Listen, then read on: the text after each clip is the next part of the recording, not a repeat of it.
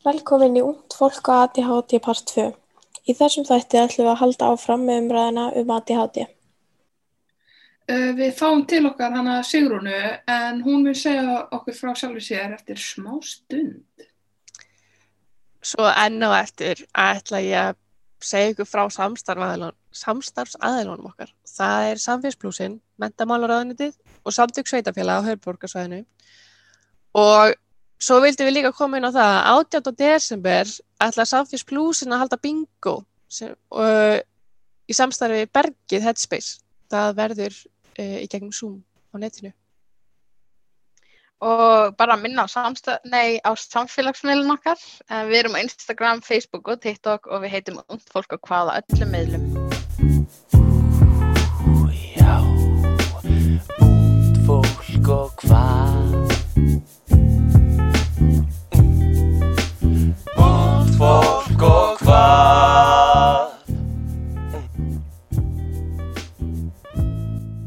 hæ, ég heiti Embla Líf og er 19 ára og kemur ungmennahúsinu Mósun í Mósunsbæ og ég er ekki með ADHD.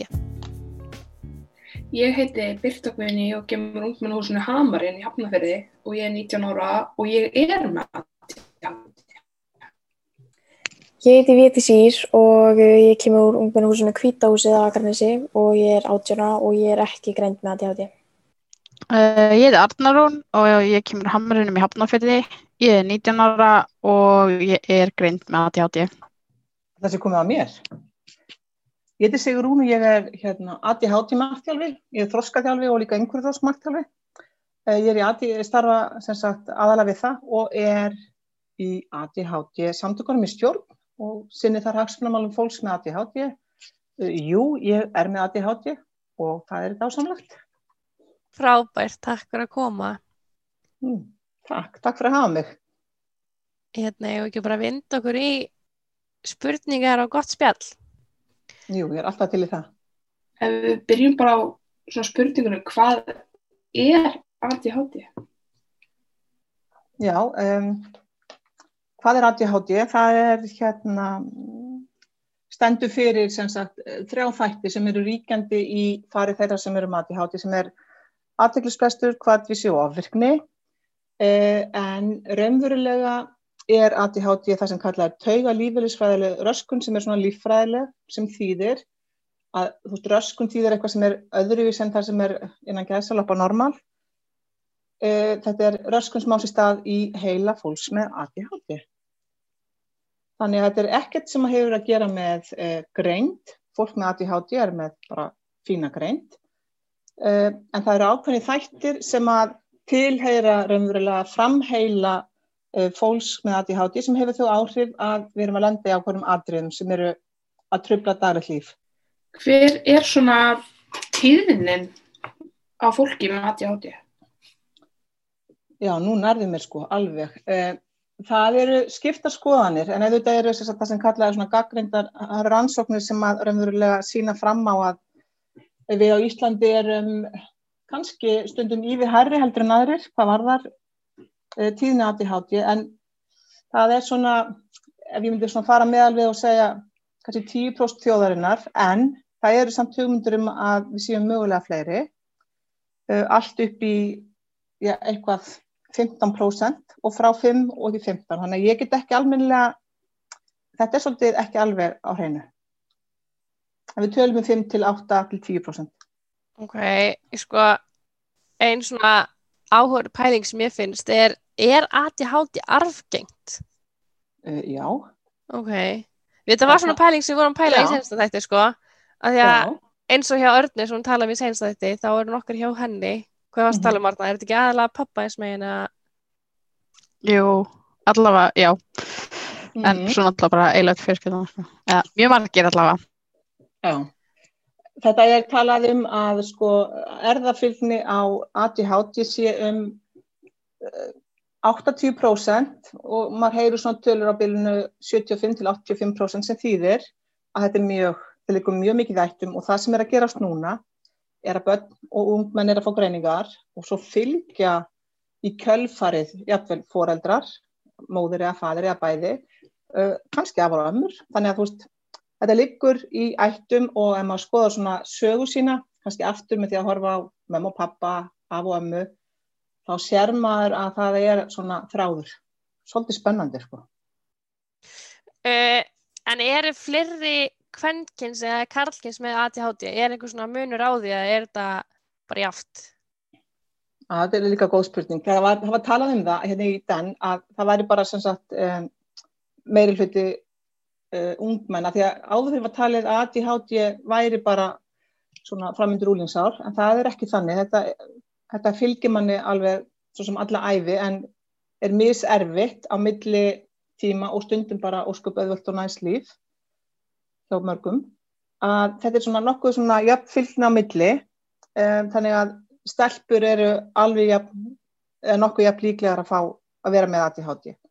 Uh, byrtingamindin getur verið pínulítið öðru sér stelpum, svona yfir það heila sem þýðir, sumar eru þessar hérna rólegu týpur sem að fyrir lítið fyrir í skóla, uh, sem að gleymast, sem að uh, allt einu það uppgötast bara í lók tíundabekkjar að þær hafi ekki verið að ná að læra því að þær eru með svona meiri sýnilegt, svona rólegt, rólegt þema og þær eru svona meira, hvað maður að segja.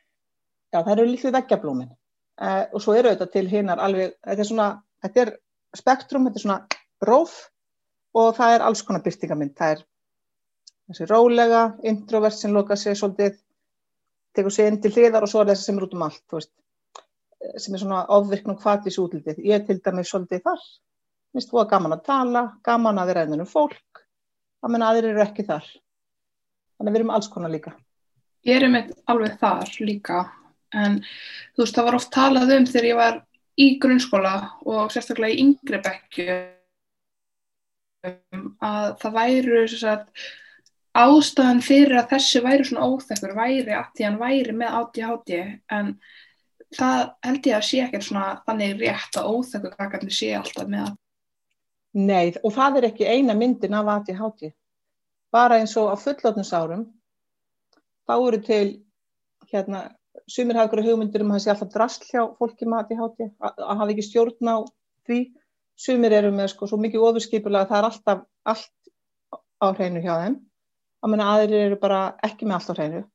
En það er ekkit endilega svo spennandi að vera hvoru meginn því að að vera með allt á hreinu því þegar það kostar rosalega orkum, maður er bara fastur í því að meðan að sá sem er með allt út um allt, hann er bara alltaf að tala sér niður af því hann er ekki með einhverja stjórn.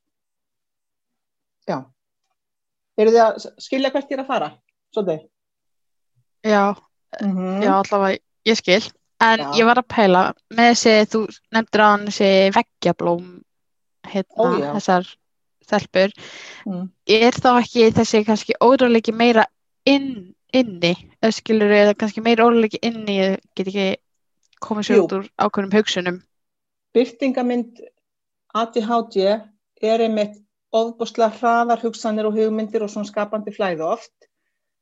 Og þessi einmitt veggjablóm þar sem allt hafi verið að lokna alveg í kringum að sitja í skólastofinni það er sko ekkert loknat inn í, í höfðum, það er allt á fullu sem veldur því að, að mann er ekki að, að tala um svona þú veist, þegar þið væri með svona filter á ryksu, þú veist, að það koma, en það er bara að koma í gegn allar og allar er að merkilegar og mann er ekki að forgansraða, þú veist, þegar kennari segja, já, já, það gefur nú eftir, því það er verið að hugsa um eitthvað annað.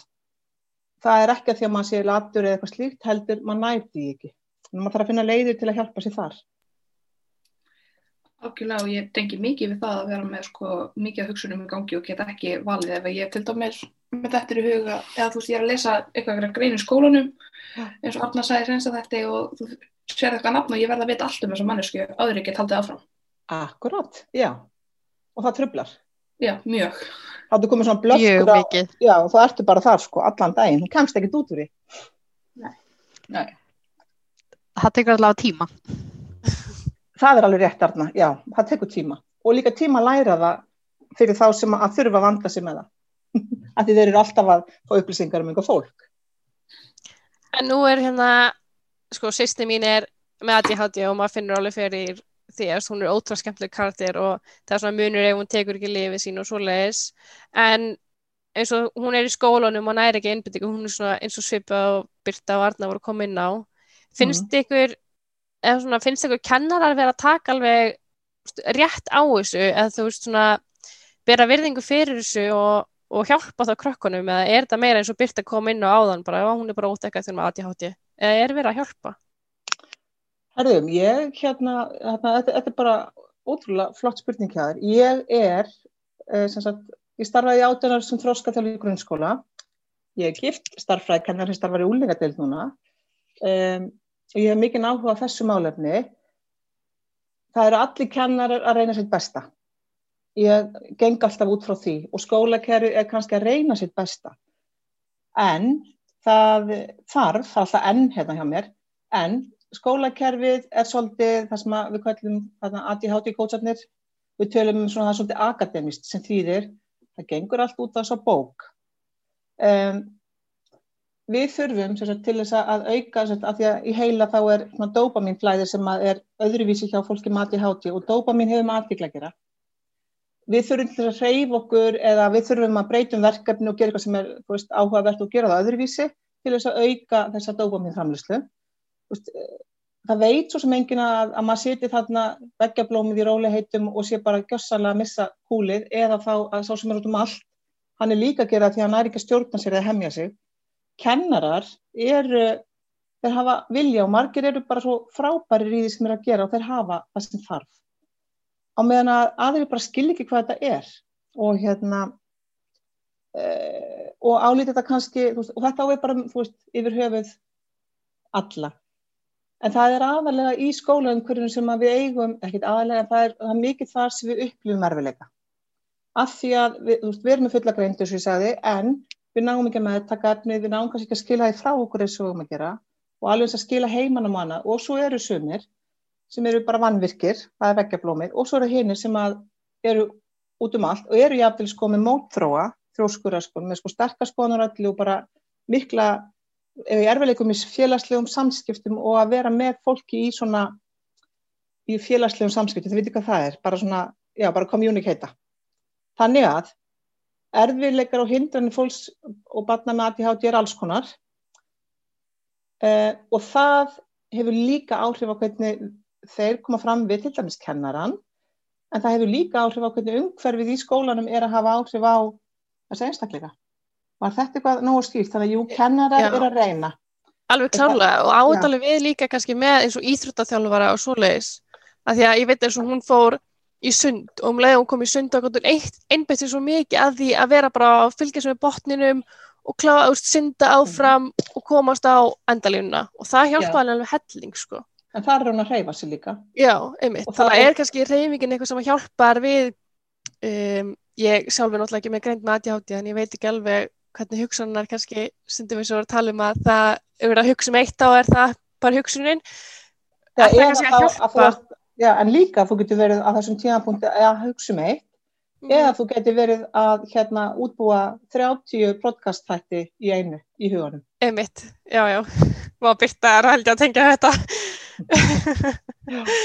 eh, sko já, eh, reyning skiptir alveg gríðarlega miklu máli uh, fyrir fólk með ADHD eins og voru að segja með hennar dopamin hérna búðefna uh, flutningin, hann verður betri við flutning, hann verður til þess að oft aðtikli breyti verður meiri, hreyfing skiptir miklu máli, veist, uh, gott til dæmis mataræði sem er svona, veist, ég er ekki að tala um eitthvað ákveðið, það er bara mataræði sem er heilbreytt og svefn, hann skiptir rosalega miklu máli líka, bara jafn miklu máli á hreyfingin. En hjá fólki með ADHD alveg ég oft heyri alveg 40-50% þeirra sem eru með ADHD eru með svefnarfileika og við erum að tala um þeir geta verið hjá sömum ótrúlega er bara, og það getur stjórnaði að þeir eru bara ekki að ná að höndla daginn oft. Og það þarf maður að vinna með. Eh, þannig já, ég er mikil, mikil svefn áhuga manneski því ég hef mist svefni í mörg ár. Og maður þarf að leggja sér fram. Við að reyna að finna leið með það þannig hreyfing, svepp og svona nokkuð svona hreint mataræði. En að því að maður er kvart í svo hraður og maður gleymir að borða kannski eða, og þegar maður mann eftir að borða kannski borða maður bróksla mikið eða uh, eða maður borða bara það sem er næst hendinni og stundum mann maður ekki eftir að hafa kannski stungið ykkur upp í sig. Þetta er, þetta er annað. Ég teki mikið við þetta söpndóttir í þú veist, ég á reyndar mjög öðvöld með að sopna þegar ég er þreytt og get sofið oft mjög mikið en ef ég get ekki sofnað þá virkilega get ég ekki sofnað og til dæmis í gær þá gat ég ekki sofnað og ég bakaði köku klukkan þrjú í nótt. A- Akkurat, einmitt, já, það er, það er ekki mjög hjálplegt samt að baka klukkan þrjú á nóttinni. Nei en ég var búin að reyna að sofa í svona tvo tíma þannig að það var bara að gera eitthvað. Já, fann að framlega fyrir hérna aðhelduna. Já, vel gert. Ég hérna hringi því þegar einhvern tíma á nóttu þegar mér vantar bakstur. Já. Endilega. En það er einmitt líka, þeir segja það svimir fræðingar, geðlegnar og annað, sem er að horfa á svepp, til dæmis, af því það er mitt uppbóðs áhugamál, fyrir utan ADHD, er að það sem að virkar á venjulegt fólk hvað var það svepp, er ekki endilega að hjálpa fólki með ADHD að sopna. Og það er það sem ég heyri oft, ég er að fá fólki markþjálfun, og sérstaklega svona 20-25 ára, uh, Friends er alveg bara þátturinn til að sopna út frá. Þau kunnan, og hans, hann bara, já, svo kannski fara að koma einhverju nýjir var eitthvað að kveikja hana Já, sorry að ég, ég er svolítið mikið að gera þetta. já, veistu hvað þetta gerir? þetta slekk, já. slekkur á hugsununum.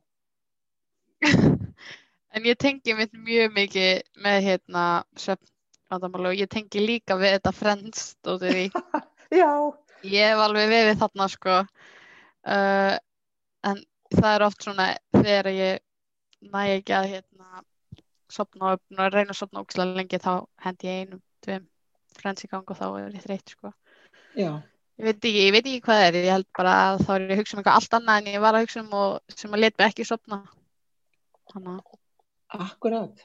Þetta dreifir einhvern veginn huganum þannig að maður þarf ekki að einmitt eins og annarkot á það sem þú varst að hérna, sem þú varst að hugsa sem kannski allir því að þú vart fyrir að að slaka eða þá að e, þetta er þekkt og þetta er bara svona er svona bara eins og tónlist eða eitthvað hljóð sem bara þú, þú nærið svo allt innu niður.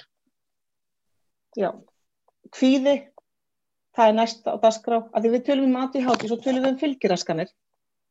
Fylgiröskun er það sem maður getur fyllt með ADHD.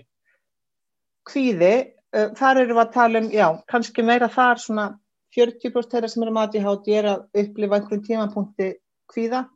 Það getur verið félagskvíða, það getur verið bara almenn kvíðaröskun eða bara svona mikil streyta að, og streyta, því að við heyrta svolítið að svona fólk á mínum aldrei er svolítið að lenda á svona vegg. Og það er út af alltaf ómikil streytu og við eigum bara svona eitt stykk í taugakerfi. Og ef við ætlum að ofnota þá lengi þá verður það búið á því og brennur yfir.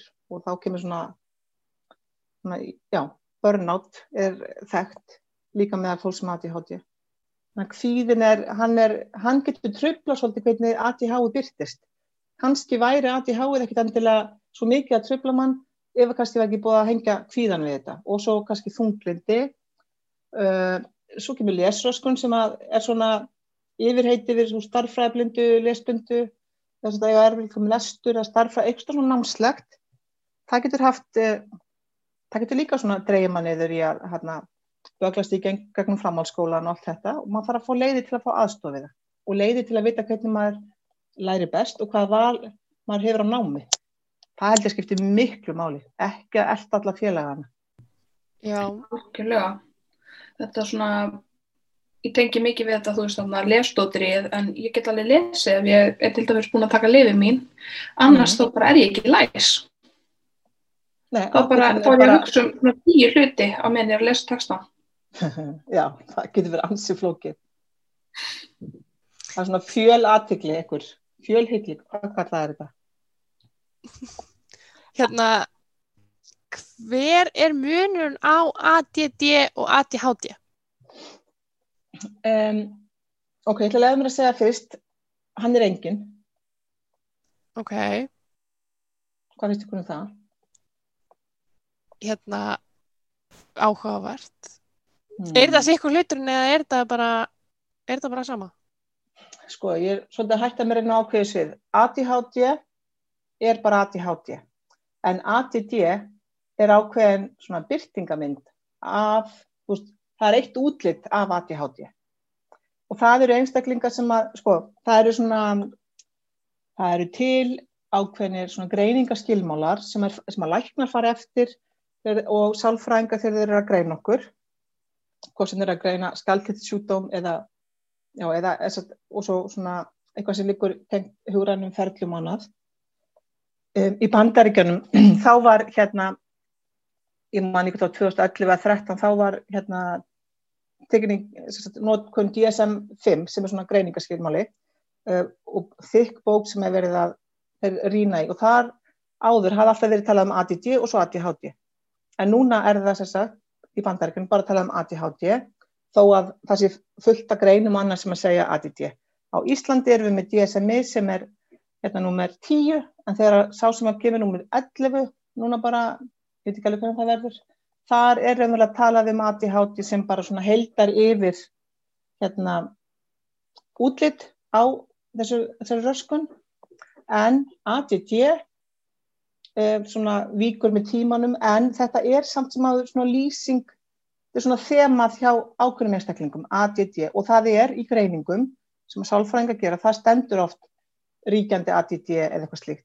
Þannig að margir segja ég er bara með ADD en að vera bara með ADD það er alveg jafn, getur verið alveg jafn, veist, næs að vera með ADHD eða ADD og eins og það getur verið jafn ofbáslega erfitt að, að díla við hindranir með þessa byrtingamynd. ADD byrtingamyndin er alveg jafn erfið þegar hann er erfið eins og ADHD, skiljið.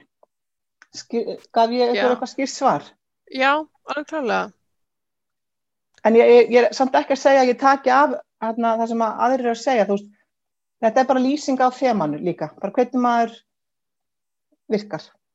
En eins og ég komin aðan með, hvað segir Arna? Þannig að þeir sem eru með ADD eða eru með ríkjandi ADD er þá verið að tala um að þeir sem með meiri svona aðteglisprestar enginni heldur en hyperactivity eða hvað er áverkni. En ofvirknin Er- er í haustum. Já, er það, svo- það er svoleiðis, ok. já, þetta er svona einföld útskýring, já. Og hérna, þannig, þú veist, ég ætla ekki að segja að, ég að, veist, ég er ekki svo sem stjórna því hvernig, hvernig við notum þetta, en svona þetta er svona það sem er að breytast og, já. Þannig að, eh, já, aðtiklisbesturinn er eitthvað sem að, eh, sko, því það, það er oft sem að, sko, eins og ADHD-lið, það er engin munur á hvort að þú ert með ADHD eða ADD-greiningu, hvort þú fáir þetta eða hitt. Nei, en við erum öll sko frábær hvort við erum ADD eða ADHD. Gleimi því ekki. Það er svo mikið styrkleikur sem búa með fólki með ADHD. En svona að því hvernig fer eiginlega greiningin fram því að þú veist, ég er í- rauninni það lítil, ég var kannski ekki að taka eftir að ég væri beint í greiningu við ADHD. Já, sko ég er náttúrulega ekki sérfræðingur þar, en ég get svona bara útlista hvernig það fyrir fram, það, sko í stuttumáli, þá er það þannig að, að það er alltaf uh, sálfræðingur sem að hefur réttindi til að greina, sem að greinir, um, og þar er verið að skoða, þú veist, ef að þú orðin, hvað segjum að þið væri svona, já, einmitt á ykkar aldrei 18-19 og það, þið ætliðu greiningu, þá þarf að skoða hvernig askan ykkar var. Og þá er oft talað við fóreldra eða forráðamenn, svona þeir sem eru næstir ykkur. Og þetta eru sem sagt, það er annarkvæmt ADHD teimið á landsbítalunum sem greinir og það er til miður of langur byggtími þar, alveg tvö ár. En ef maður í gegnum engaðila þá er það sem sagt, það eru sagt, með svona greiningarpakturum sem eru, ég veit ekki, tvö, þrjú viðtöl og svo er svona skila uh, fundur eða slikt, það sem er útskipt fyrir manni hvað það er sem að, hérna kom út úr niðurstöðunar og svo er það kannski þá bara útskýring hvað maður getur gert til að, að hjálpa sér. Og í framhald af því þá er það að maður ætlar að aðtóa með lif, það er að komast að hjá, hjá góðum geðalæknum því þeir mega bara ávisa ADHD lifum í upphafi. En svo er það hérna hægt að færa það yfir að heimilisleikni en er, þetta, er, þetta er ferlið. Er, já, þannig að það fær fólk svona viss um hvort að það sé á þessum stað eða ekki. Alveg langt ferli. Nei, eh, sko, langt ferli, það fyrir eftir hver, hver það er sem er að gera hlutina og hvaða tíman hefur, og, en ferlið er náttúrulega, það er þessu þrjú viðtul allavega uh, og svo þegar því er lokið og maður er komið með greininguna, það getur liðið mánuður, geta liðið hálft ár, ég veit það ekki alveg, að því ég er ekki þarna. Og í framhald að því er að fá tíma hjá geðalæknum sem getur, ef maður ætlar að aðtómi lif, sem er alltaf, allavega finnst mér eitthvað sem maður eigi að skoða, ekki að dæma það því að það er ótrúlegt þegar allt innu hægir á þessum hröðu hugsunum og maður getur bara séð að það er bara eitthvað að gera saman fyrir utan, það er ekki bara hugsan. Man er svona svo þeitivind á sjöður snúningum bara allan daginn, svo allt innu bara, wow, hægir. Þannig maður þarf svolítið bara að meta það náttúrulega þegar maður er fullorðin þá er það, þú veist, eh, hvað er það sem ég vil fá út úr því að fara í greiningu. Sumir vilja lif, aðrir vilja læra að, að hérna, beisla sinn innri kraft og ytri með einhverjum öðrum ráðum. Að það er alveg allavega. En hérna, ef ég kem aftur inn á eins og með kennara og börn með ADHD og svona, hvernig myndur segja að væri svona besta umgangast eða eiga í samskipti við ung börn með ADHD? hvað er það Er það, um þá? er það, þú veist, ég myndi kannski segja, stelpur, erum við ekki að tala um kannski fymta upp í sjöunda bekka eitthvað, eins og, eða fjórða, jafnvel, Mm eða kannski, ég veit ekki, ætla þetta sé kannski mismöndu bara frá fyrsta upp í sjöunda bekka, eða eru krakkar í fyrsta bekka að fá greiningu? það er einhverju, sko það er eh, kannski minna um það, en ég heyri oft sko sjöara bekki, þau sem eru komin sko, sem eiga í miklum erfileikum kannski, úst, um, fara að missa stjórn á skapinu kannski af því að umhverfið er úst, erfitt fyrir þau. Já, Sko þetta er, það, það sem skiptir máli kannski grundvallaradri er þetta fyrir einstaklingum ADHD er, sko hann er ekki, hann er ekki veikur, þetta er bara röskun sem veldur því að stundum við þurfum að læra aðeins stundum öðruvísi, við þurfum að fá bara skilning á því líka, við erum þarna, ekkert alltaf að hugsa áru framkvæmum og, og tala áru framkvæmum og við höfum fullt af alveg brjálaðslega flottum eiginleikum sem að margir einmitt kennarar og skólastafar fagnar af, af sko, mikill gleði. Ég meina, sex ára eru ekki stödd þá okkur svona mottu, þú veist, inn í skóla og sitjum allir hringur um að lesa og, og gera jú, einmitt. svolítið, svolítið öðru seldur kannski 5. eða 7. bekk þar fær maður svolítið kannski að vera maður sjálfur liggja maðanum og, og vesenast og mað, þar fær maður kannski að lesa til dæmis, þegar verður að lesa þú veist, má maður standa eða þú veist, líkjundu borðun eða þú veist, hvernig fyrir allt fram, en auðvitað það líka að kenna okkur að vera í ákveðinu ramma til að við getum aðlagast þessu samfélagi, við ætlum ekki að vera kannski undir borði endalaust, veist, það er ekki mjög gott um 50 ef að ég er alltaf þar á fundum.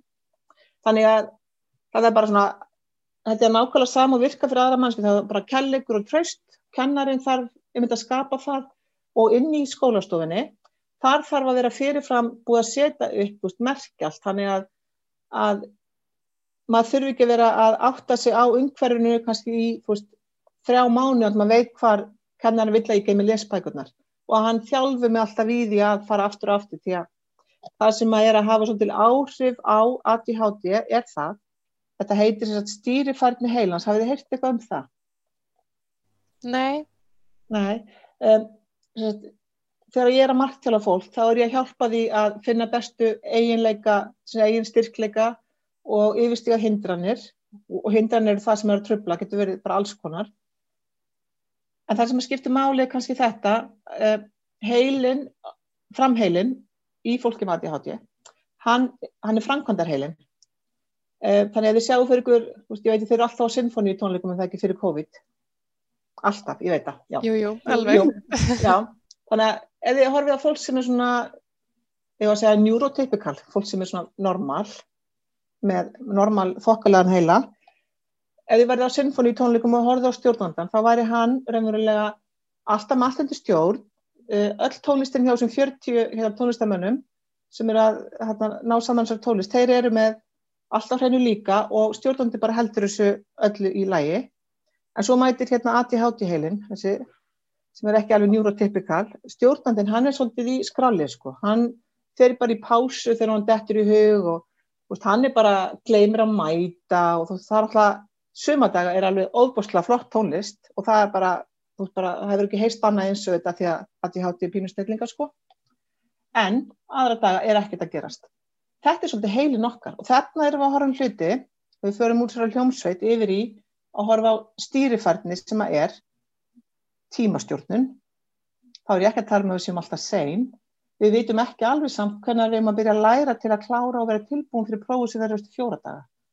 Þú veist, við vitum kannski að það er, væri sniðut að byrja fjóra dögum áður, en við byrjum kannski klukkan nýju kvöldi fyrir próf og við erum að skapa alltaf pressu. Eh, Það er líka að vita, veist, ef ég ætla að fara í háskóla því ég er 22 ára, þá þarf ég að gera þetta og þetta og þetta. Það er tímastjórn, það er eitt þáttur. Næsti þáttur er uh, sagt, að byrja verkefni og þetta er svona ákveðin hugrækt þáttur. Við, ekki- við vitum að við eigum að byrja á verkefninu en við gerum það ekki. Við gerum frekar allt annað. Við getum verið búin að sko, þrýfa heilt einbýlishús áður en kannski byrjum á skúffunni sem við áttum að fara að byrja á. Af því að leiðin er eitthvað lengt. Það er eins með að byrja á verkefnum í skólanum, byrja í vinnunni, gera eitthvað. Og þetta er ekki að því við erum lög, heldur það vantar ákveðna færðin sem við þurfum að, að skoða og vinna með. Hvað er meira? Hvað er ADHD fólk þekkt fyrir? Um, við erum, erum erfitt með að skipulegja, forgámsaða, allar hugsanarnar koma inn og við bara gerum eitthvað. Þetta eru, þetta eru þessi þætti sem að tilheyra sem stjórnmanda, framkvæmdar heilanum. En eins og margir þessi eiginleikar, er þetta ekki líka um, fólk sem er ekki með ADHD, er ekki alveg söm sem tengja kannski við þetta, Auðvitað. en er ekki greint, eða þú veist kannski ekki bara ekki jafn mikið.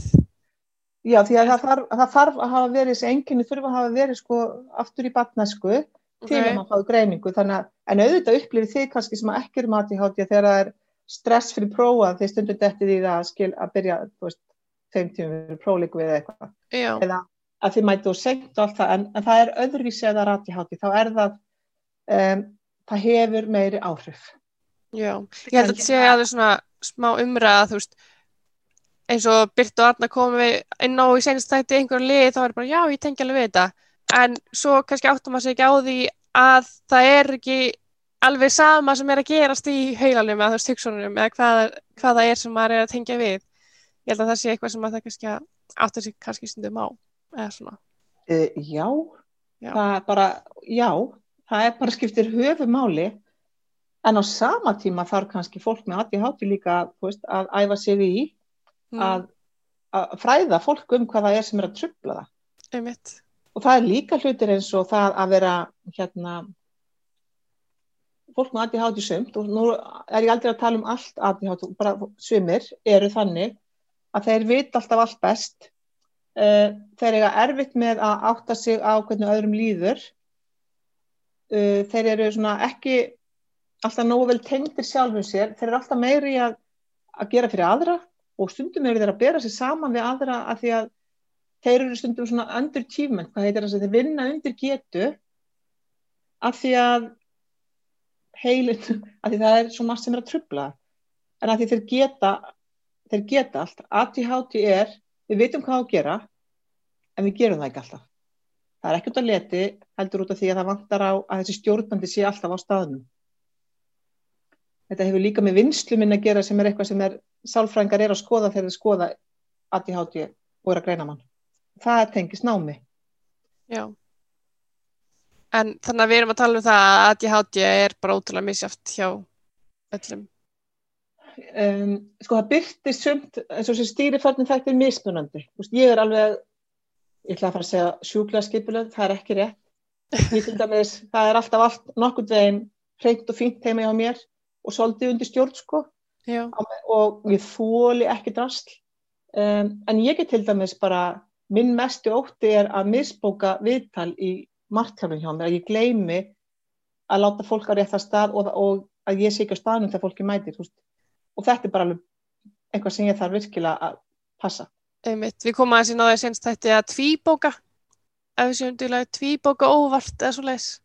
óvart, japp það er að tvíbóka að vera, þú veist, um, í umferðin á föstu degi á leiðinni hérna, segjum bara til læknis og maður bara allt í nátt að svo því að já, það er föstu dag, þá er ég ekki að, ég er búin að gefa mér hlutum tíma og ég er aftur á stressu verið að koma mér og vera alltaf á sein eða alltaf mætt kannski hálftíma áður, Ég er Já. alltaf mætt snemma, allt. já, ég er alltaf mætt að mínútinni. Ég líka. Já. Ég er svo- aldrei mætt snemma. En svo lendi ég alveg í því að ég átti að fara til tannlæknis klukkan sko 9.45 eða eitthvað, klukkan 10.15. Það var alveg, veit ég átti að fara til tannlæknis, ég var bara búin að ákveða að ég ætti að fara klukkan 12. og ég Akkúrat. svolítið oft í þessu ég er bara búin að ákveða að ég sé að gera eitthvað klukkan eitthvað allt annað Já, þetta er, hérna, þetta er bara mjög þekkt. Og þarna getur slæðist inn hvort sem það tengist þess að uh, ADH-unu eða þessum, sko að því að það að vera með leshömlun, það er líka fólk sem hugsa öðruvísi. Þess að Leshömlun er svo kallar lesblind eða starfræðablind áður eða, og er kannski kallað en þá.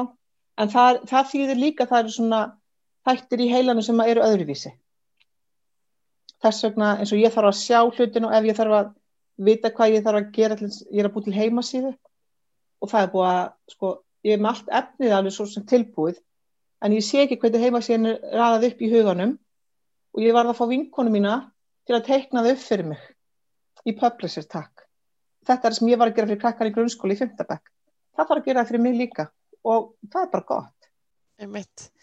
En er ADHD að breytast með aldrinum eða er þetta svona, ég veit ekki, er þetta bara sama eða er þetta nei, nei, það, brey, það breytist Ok. okay. oft sko, uh, það getur haft áhrif hvort maður hefur fengið uh, pröfað einhverja meðhöndlin eins og hérna verið á livjum og svo er hugrann atfællismeðferð sem er svona næsta að við erum alltaf að horfa á þegar við ákveðum eitthvað sér gott fyrir ADHD þá þarf alltaf að það þurfa að vera rannsóknur á bakvið það og það þarf að hafa verið þú skoðað og reynt aftur og aftur og svo er svona það sem háskólinn er að gera og sálfræðingar og aðrir þeir eru að skoða hvort að aðferðin hendi til þess að, að nota hana við ákveðnum meðferðum, bara þunglindi kvíða og eins og ADHD, hugrann aðdættismeðferð.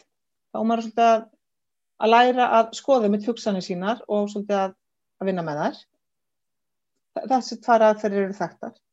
Og það getur sem- þegar þú eldist, um, sumir bara eiga ágættis grunnskólagöngu, svo námslega og félagslega eh, svo þegar stík í, grunn, í framhaldsskóla þá bara hrinur undan þeir námi kannski eftir halvaðan að því að þessi stýrifærni, þessi stjórnandi sem er hjælt utan þau kannski í miðdeild eitt kennari oft allan mjög einfalt svona landslag, ferði í úlingadeild fullt af kennurum, einhver skápur og sem á að halda þetta um skipula og maður bara missir kúlið eða maður missir það í framhaldsskóla af því að þá nærmaður ekki að halda utan um heldur allt. Svo ferði þau í hérna, verður þau tvítur og eitthvað þar áfram kannski skellið þeir í samband og fara að búa eignast barn, það er bara fyrir allt yfir af því að þú ætti að halda þetta um svo marga þætti. Uh, en svo getur það hérna að eins og fyrir þá sem er mikla til dæmis ofvirkni eða svona, þú veist, eitthvað þannig byrtingamind, ofvirkni eða hvað ég sé það getur hægt á því árunum og það getur kannski farið meira inn á við Þú Ok. veist, verður hérna innandira þóttavillin alveg á fullu bara brjálega að gera Já, já, mm. mitt. En sumir ná að vinna með sitt ADHD og þannig hátt að það bara verður, maður getur bara lifa með því og bara átt þokkarið líf og, og gott lífskiljið því að sko það er fullt af flottum fyrirmyndum sem við eigum bara bæði hérna á Íslandi og annars staðar sem að sína okkur að það er að lifa góðu lífi og það er að lifa skapandi og bara, svona, bara alls konar skemmtilegu. En kannski þú veist eins og hjá öllum mannverum en kannski hjá ADHD er útlitið á erfileikunum, það er svona hindrun í lífinu og það eru áskoranum og maður þarf að læra að yfirstíga þær eða finna einhverja leið í kringu þær. Og þar kemur einmitt hérna, eins og með ADHD samtökin, þau eru með sagt svona fræðslunámskeið, um, ég geti fyrir úlinga, uh, svo er næsta námskeið er hérna taktu stjórnuna og uh, áfram stelpur sem er bara fyrir fullotna með ADHD. Og það, það að fræðast um hvað ADHD sitt er, það er kannski held ég eitt af því sterkast sem maður getur gert til að ná bara, veist, ná valdi á sínu lífi eins og þið er. Ok, Svo sá ég þú veist í vídjóum hjá ADHD samtökunum að það var Mhm. spurt hvort að þú veist ADHD er svo ofurkraftur. Hvað finnst þér? Já, um, sko ég, ég var ánum svolítið hérna í denmunni þreytt á því að allir voru snillingar. Ég er ekki þar, sko. Uh, við getum skoðað út frá því hvað er að vera með ofurkraft. Um, ADHD á góðum tíma, þar sem er svona brjálæðslega gott flæði og mikið að gerast hjá manni, getur alveg verið ofurkraftur. En það getur líka verið ofur segult sem dreifum maður niður, sko, á slæmum tímum. En já, bena, þú veist, hverja dettur ykkur hug þegar þið heyri talað um ADHD og einhver sem er þekktur í samfélaginu? ég sé fyrir mig til dæmis Eithor söngvari uh, þú veist, hann er, hann er geggjaður hana, listamæður um, það, það er bara svo margir sem eru þeir, ef þeir ná að hafa áhuga á því sem, að því að ADHD heilin er áhugadriðin og ef það er leiðilegt þá bara lætur maður að vera. Nei, það er skemmtilegt. Svo Birta var að tala um að hún fær áhuga fólki og bara alveg greinir það niður sem ég veist trápært hún er eflis búin að greina með eitthvað það niður. Að hérna þá þurfum við bara að skoða hvað þurfum við að gera við, hvað þarf þessi einstaklingum ADHD að gera til þess að vera á réttri braut hvað er það sem hann elskar að gera? Eh, kannski veit hann ekki alveg að því. Og hvar ætlar hann að, þú veist, eins og með atvinnu eða með nám? Þú veist, hvað elskar maður raunverulega að gera? Maður er ofta að gera það sem maður heldur að sé ætlast til að maður geri. Maður þarf svolítið að fara út af veginum út fyrir bóksið og, og líka að þó maður hætti framhaldsskóla þá á maður svo sannarlega ekki að láta þar staða numið og maður getur alltaf byrjað að námi. Og þá er að velja eins og maður ekki framhaldsskóla, velja eitthvað sem ég sé fyrir mig keili. Velja nám sem að, maður vill fara í, ekki eitthvað sem maður heldur að gæti verið hagnýtt. Fyrir mér er það dauðadæmt sko. Það þarf að vera skemmtilegt. Já, þú talar uh, þú talar um að þessar lesörðuleika eða les eitthvað. Já, uh, ég tengi þetta svolítið við það uh, að þú segir líka að maður verður að fara í eitthvað sem manni finnst áhugavert og finnst skemmtilegt. Ef ég er að, ég er að lesa eitthvað sem að mér finnst bara algjörlega drefleðilegt að þá bara les ég ekki. Þá bara fer inn þú veist það fer bara inn og út og ég bara veit ekkert hvað ég var að reyna að lesa og ég er bara miklu hægar að lesa. Þannig að ef að ég á að ná að læra eitthvað þá þarf ég þá þarf mér að finnast það alveg mjög áhugavert sko. já og það er annað líka, hefur þú pröfað að ef þú ert að hlusta á eitthvað sem þú átt að vera að lesa hefur þú pröfað að Mm. hraða eins og YouTube er þetta að hraða, þú veist hvernig þið talað, hefur þú pröfað það? já, sem ég tala bara virkilega hægt ég hef ekki tími í þetta Uh, nei, þannig að þess vegna einmitt, og sumir hafa, maður þarf stundum að hraða þeim og sumir fara sko, þú veist, eitt fjórða upp eða eitthvað, ég þarf að gera þetta til að halda mér einmitt, annars bara detti út það er bara ekkert að Mhm. gerast á engin heima Já, ég tengi alveg við það sko. Ég held ég þurfi bara alltaf að sitja í allavega tvo í hraða sko. Ég var með í les áfanga núna og það var bara, ég ætla að lesa sjö bækur og ég las þar allar á töfundum hraða svo ég gæti farið í gegnum hana. Akkurat, það, þetta er alveg magna þannig að maður þarf að finna leiðina til að læra líka og það á Já, líka við ykkur með ADHD og ekki ADHD Já, það er alveg rétt. Ég held að þurfi allir að læra inn á sjálfan sig bara til þess að geta haldið áfram með lífið sko.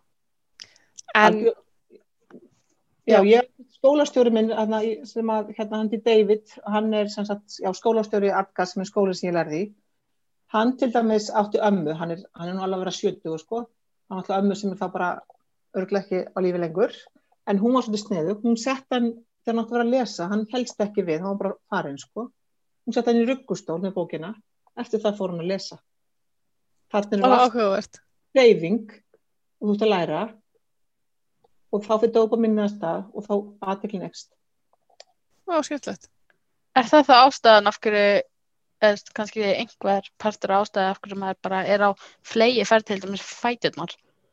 Já, algjörlega. Já. Því ég er alveg þar, sko. Já, Ég veit að Birta er Sko- það líka. já. Ég fæ bara svona þegar ég er að tala í síman þá finnst mér svo ég verði að vera hreyfingu sko. Já, Sérstaklega þegar ég tala við einn aðeila. Ég þá fer ég að labba um alla íbúðina sko. Það er svakalegt. já, Ég veit ekki alveg hvert ég er að fara þá. En hérna, já, við komum aðeins inn á lif á þann. Uh, við töluðum svolítið mikið um senastætti og spurningin hjá okkur senast var líka hvort að lif séu tabú. Finnst þér það að vera? Veist, og, þú veist, er alveg fólk að segja þessi á lifjum eða, eða er það bara að fela það eða, já, ég veit ekki alveg hvert ég er að fara með þetta lengur en þetta.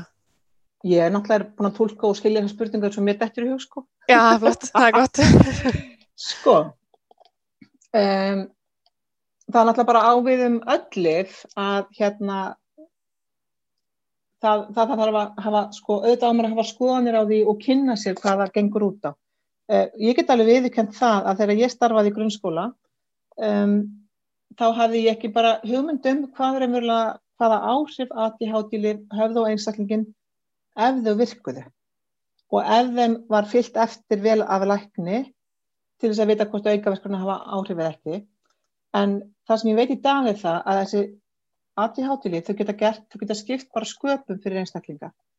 Um, þannig að það er, það er umræði gangi auðvitað í samfélaginu og á hérna, samfélagsmiðlum og á hérna og í þetta umræðum. Eh, ég held að það sé að minka að ADHD-lif séu tapu. ég held að það sé að minka.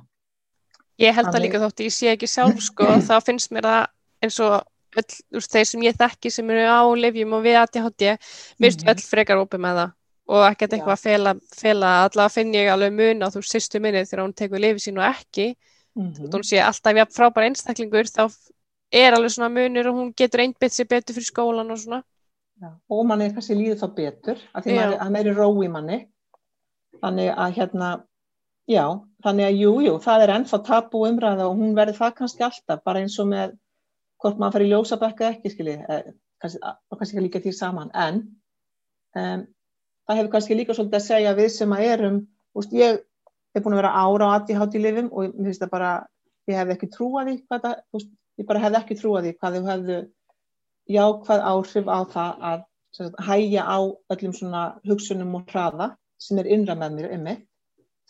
Þannig að ég um, og líka í náminu mínu er okkur, sagt, við förum í gegnum ákveðna svona fáinlifja þekkingu sem er kannski ekki, alls ekki eins og læknar eða sálfræðingar þekka til lifjana, heldur er það meira með þeim hætti að við getum hlustað eftir hvar einstaklingun er, þannig að við þurfum svolítið að láta kannski af þessum fordómum okkar bara sem samfélag. Jú, vissulega eru þessi lif misnótið af einhverjum, en þau eru misnótið í svo stórum skamtum að það er ekki það sem að, sko, fólk með ADHD er að taka. En þetta er svolítið ein, það er einfalda þetta, er líka að gera þetta rosalega flóki mál að ræða. Veist, ADHD og að, að þetta sé, já, ekki samþygt eða samþygt.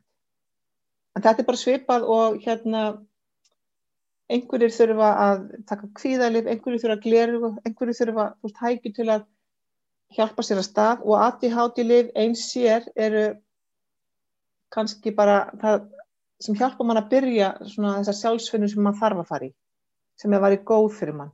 Og það er líka gott að, hérna, að fara að hitta sálfræðinga ef maður er að díla við hérna, ADHD, sem sagt, með kvíð og þunglindi, fá aðstof með námserfileikana, þú veist, hitta ADHD margþjálfa, uh, fara og hreyfa sig, fara í jóka, fara í jóka nýtra eða fara í svona einhver mindfulness, þeir eru alltaf huglega þetta ekki, ég sé það á okkur hérna. Jú, jú, jú.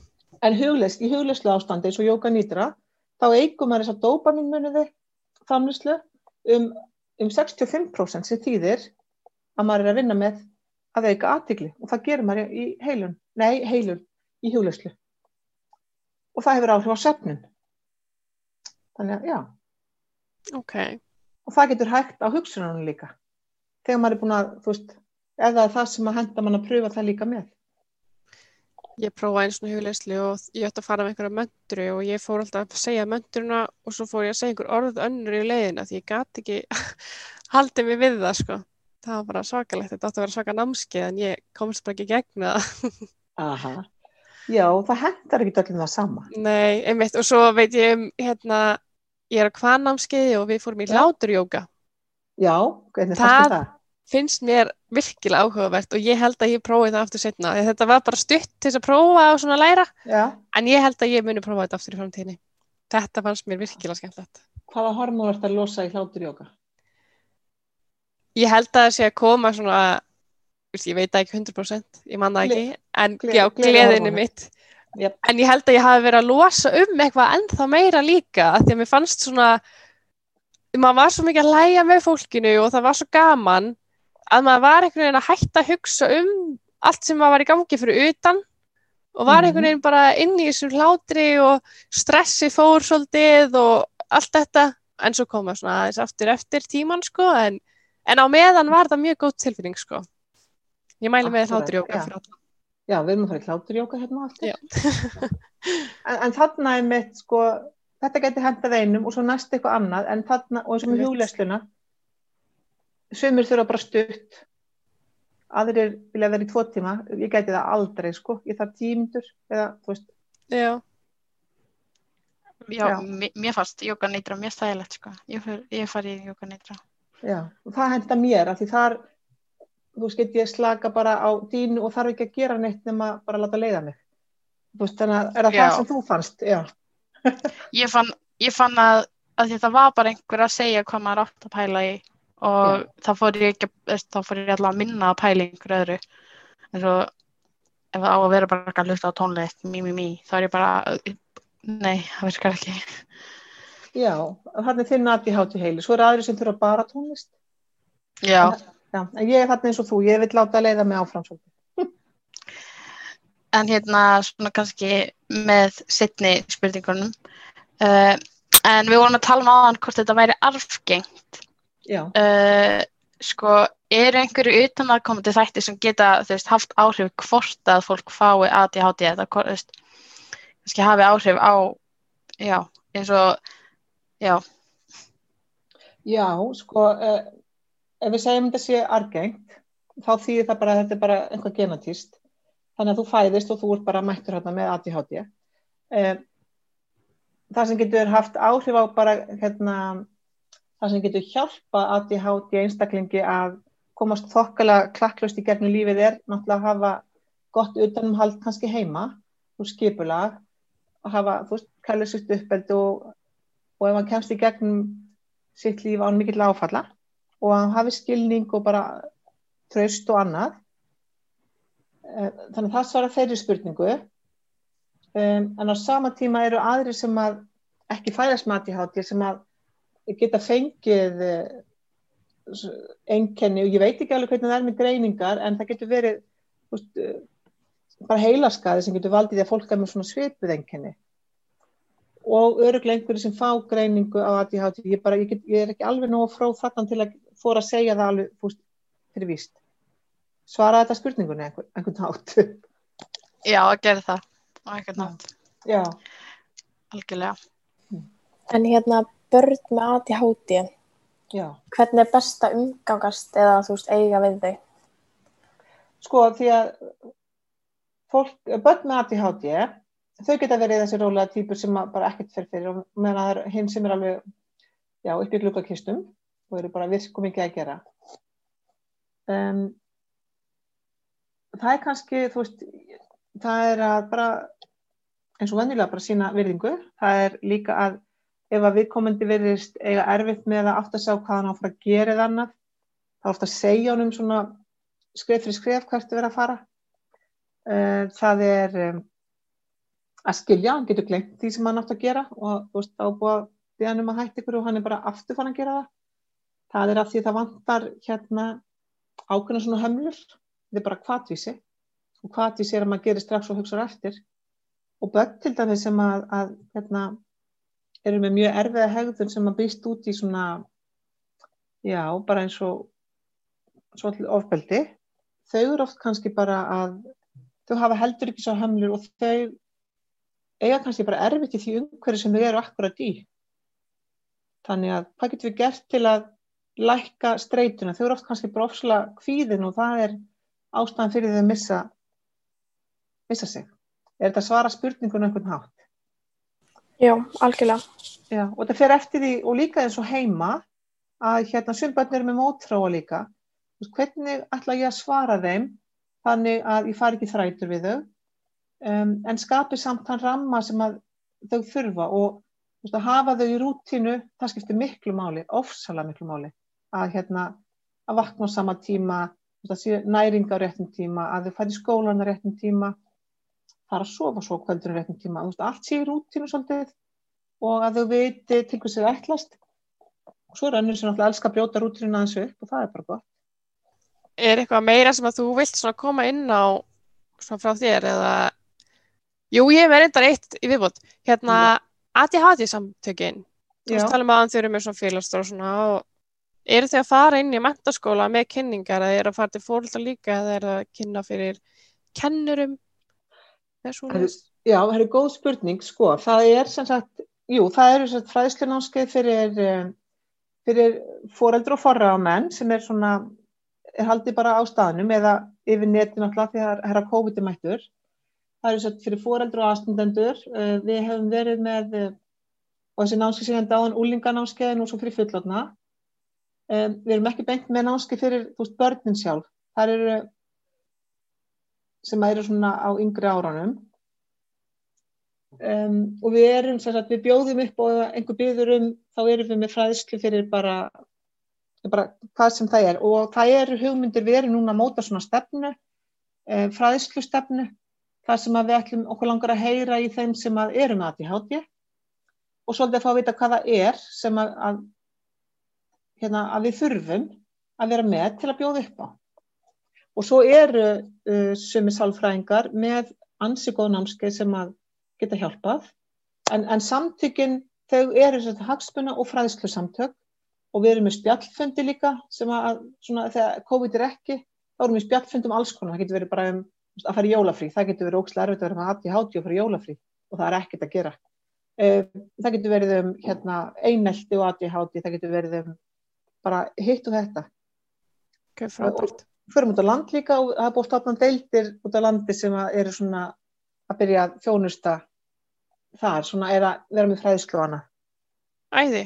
Já, En er þá hægt að fara inn á ADHD samtöngin.is eða eitthvað svoleiðis og finna kannski ef einhverju hafa áhuga að vita meira um það og finna fyrir upplýsingar? já, það, það er alveg hægt og, og senda fyrirspunn á samtökin. Og hérna, Ég kefti jólagjöfum daginn en adhd.is. æðislegt, það er sko, þú segir ekki hvað það er. Nei, ég veit. Já, já, það, þeir eru líka með stóra hérna, vefverslun. Það eru bæði bækur og einmitt annars ég ætla ekki að nefna svo kom ekki upp með þau. Og hérna, já, þannig að það er, það er sko aldrei skoðu staður. Og það er líka annað að, hérna, fólk á einhverju rónu að það er mjög há prósent af þeirra sem eru með ADHD þannig að þarna skarast líka tvö svið sem eru hérna bara skipti máliði vitið. Uh, já, og svo er ég með hérna Míró, hérna ADHD og yngur og smartþjálun ef að fólk vil fá okkur upplýsingar og fylgja síðinu minni far. Og ég er á Instagram, ég er sem sagt, já. Þannig að allt sem við kemur ADHD er svona uppáhals. Frábært. Mm. Er eitthvað sem að þú vilt koma meira inn á hann við ljúkum þessu?